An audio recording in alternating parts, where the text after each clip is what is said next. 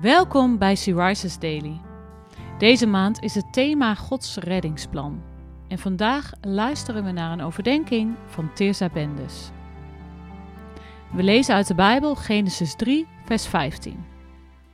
En God zei: Ik zal vijandschap teweeg brengen tussen u en de vrouw, en tussen uw nageslacht en haar nageslacht. Dat zal u de kop vermorzelen, en u zult het hem hiel vermorzelen. Vanaf de zondeval is er een vijandschap tussen de Satan en de kinderen van God. Vanaf datzelfde moment bestond ook de belofte dat Jezus de strijd tegen de duivel en zijn legermachten zou winnen. We zijn niet bedoeld om zonder God te bestaan.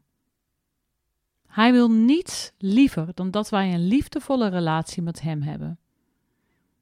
Wij mogen leven in de tijd na de opstanding van de Heer Jezus.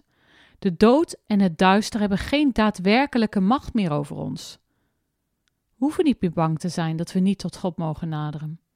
We hoeven geen offers meer te brengen. In plaats daarvan mogen we dankzij Jezus tot God naderen als zijn eigen kinderen. Wanneer jij je aangevallen voelt door de Satan, wanneer je de gebrokenheid van deze wereld en pijn ervaart, onthoud dan dat je naar de Here mag gaan met alles wat je dwars zit. We hebben vrij toegang tot Zijn troon. Zijn er dingen waar jij op dit moment mee zit? Wacht niet langer en breng het bij God. De toegang tot God is vrij.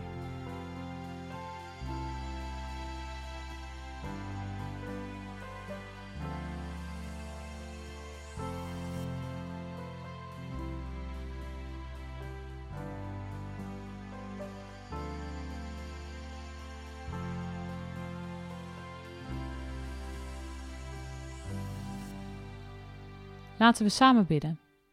Heere God, dank u wel dat u de Satan ook voor mij heeft verslagen.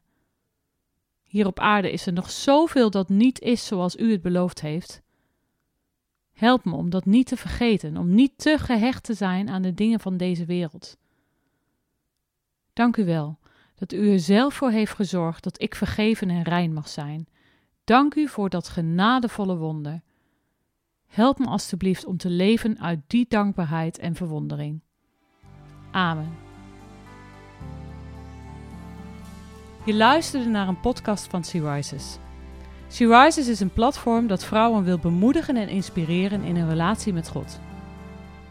Wij zijn ervan overtuigd dat het Gods verlangen is dat alle vrouwen over de hele wereld Hem leren kennen. Kijk op www.she-rises.nl voor meer informatie.